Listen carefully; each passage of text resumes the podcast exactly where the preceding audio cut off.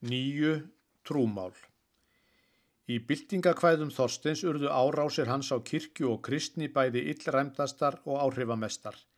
Í lok 19. aldar var talsvert meiri hreyfing á trúmálum en þjóðfélagsmálum meðal Íslendinga. Á þeim vettvangi stóð hann ekki svo einmanna sem í sósialisma sínum en sókn hans var ímist harðari eða fimmlegri en nokkus annars manns.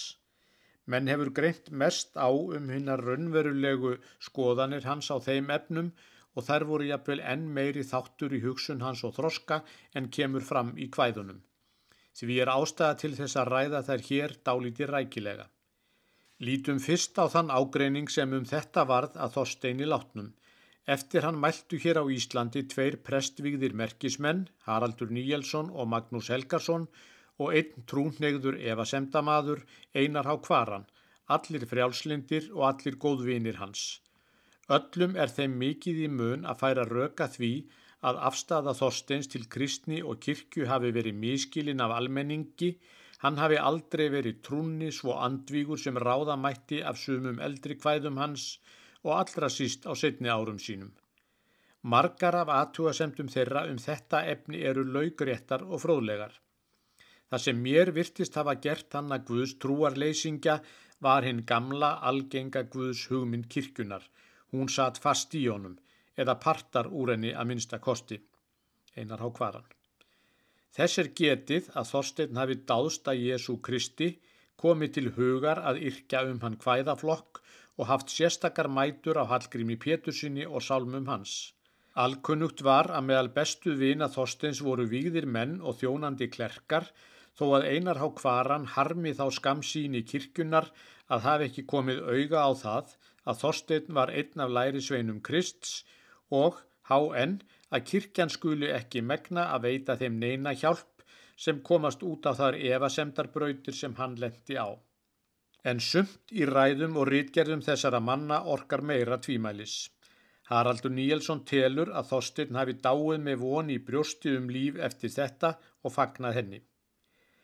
Magnús Helgason getur þess líka að hann hafi þráð annað líf og hefur eftir honum þessi orð. Maður efar í lengstu lög þar sem maður þráir heitast.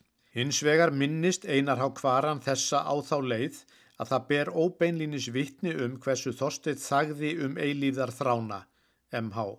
Ekki aðeins í kvæðum sínum heldur jafnvel í samtölum við þá vini sína sem mest veltu slíkum málum fyrir sér. Haraldur Níelsson segir að hann hafi í vöggugjöf eignast gagnrínin og efa gerðnan hug.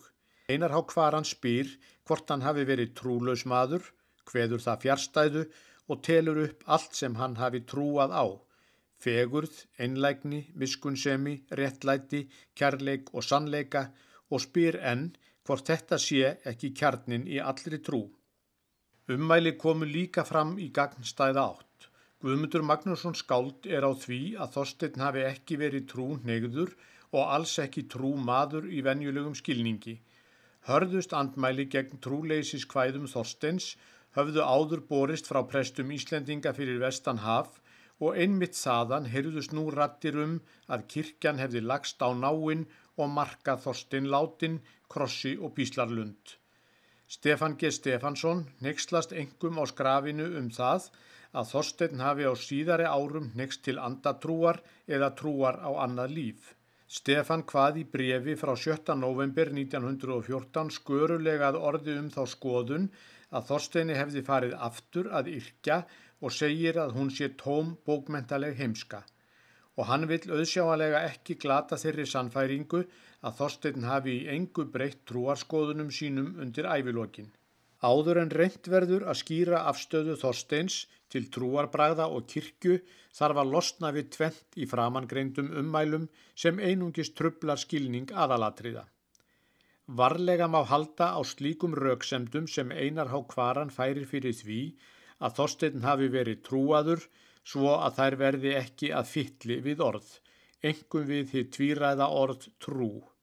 Að vísu er það rétt að reginmunur er á því hvort menn trúa á réttlæti, kærleik og sannleika treysta jafnvel á sigur þeirra að lokum, finnst öll tilveran lítil svirði og vonir um betri veraldarskipun fánýtar, eða trúa aðeins á hamslausa eftirsókn auðs og valda fyrir sjálfa sig sem takmark lífsins. Þorstein var eindregin hugssjónamaður, en sumar hugssjónir hans rákust ekki aðeins óþyrmilega á trúarsetningar og stefnu kirkjunar, heldur var erfitt að samrýma þær nokkus konar guðrækni eins og enn munu dæmi til sínt. Þótt hugssjónir um endurbætur þessa heims geti verið mjög misjaflega skildar andatrúarbræðana er allt of djúft tekið í árinni ef sagt er að þess séu kjarnin í allri trú. Það nálgast afneitun þess að nokkur trúarbröð séu til og slíkt myndi Þorstein Erlingsson manna síðastur hafa fært fram til þess að hrinda af sér ámæli um trúleysi. Þá er það vonin um annað líf. Stefan G. segir um raukvæslu Haralds Níelssonar Allt sem síra há færir til í líkræðu sinni sannar lítið trú þorstins sjálfs. Til dæmis að vakna upp aftur einhver daginn með eilíð glada kringum þig. Getur fullt eins verið rétt lýsing skálds á vonvinar síns sem það kannski hefur sjálft efa um eins og eigin hjáttning þess um sig. Sama er að segja um svör þorstins við há sjálfan út af þessum málum Þau líkjast fremur kurteisis undanbrögðum sem maður neyðist til að nota við áfjáða en velviljaða trúbóða sem taka mann fyrir heldur en samsinningu. Ég hef sjálfur komist í svipað og þekki það að sveia til í svari til að særa ekki að óþörfu. Hér sannast um sumt að spá er spak sketa. Síðustu vísur þotni sem H.N. vittnaði í voru brot úr erfiljóðum um Björn Jónsson sem Þorstein var byrjaður að yrkja. En umhugsun annars lífs var svo rík í byrni að eðlilegt var fyrir skáldið að minnast á hana og setja sig í spór hans. Eins er um að sveia til í svari til að særa ekki að óþörfu. Stefan var maður óbylgjarnari í skoðanaflutningi sínum en Þorsteini var eiginlegt að vera Ólíklegt er að Stefan hafi nokkur tíma hitt fyrir trúbóða sem var í senn svo heitur og ljúfur sem Haraldur Níelsson gatt verið ný honum eins kær og Haraldur var þósteini. Um þau orðaskipti er tilgáta Stefans bæði skarpleg og skilningsrík. En hér þarf að fleiru að higgja. Þó að trúin á annað líf sé einn þáttur Kristins dóms geta menn vel verið sannfærður um það án þess að vera kristnir nýja játa yfirleitt nokkur trúarbröð. Spiritismin sem leitar eftir sönnunum, skoðun í stað trúar er skýrt dæmi þess. Þorstein Erlingsson átti samleið með fjölda rótækra samtíðarmanna sinna að þeirri niðurstöðu að kirkjan hefði misbeitt trúni á annað líf með ímsu móti. Til þess að hræða menn með hegningum hínum megin, draga úr vilja þeirra og orgu að bæta lífskjör sín hér gefa þeim í staðin fyrirheit um að öðlast eftirlaun á því góða landi.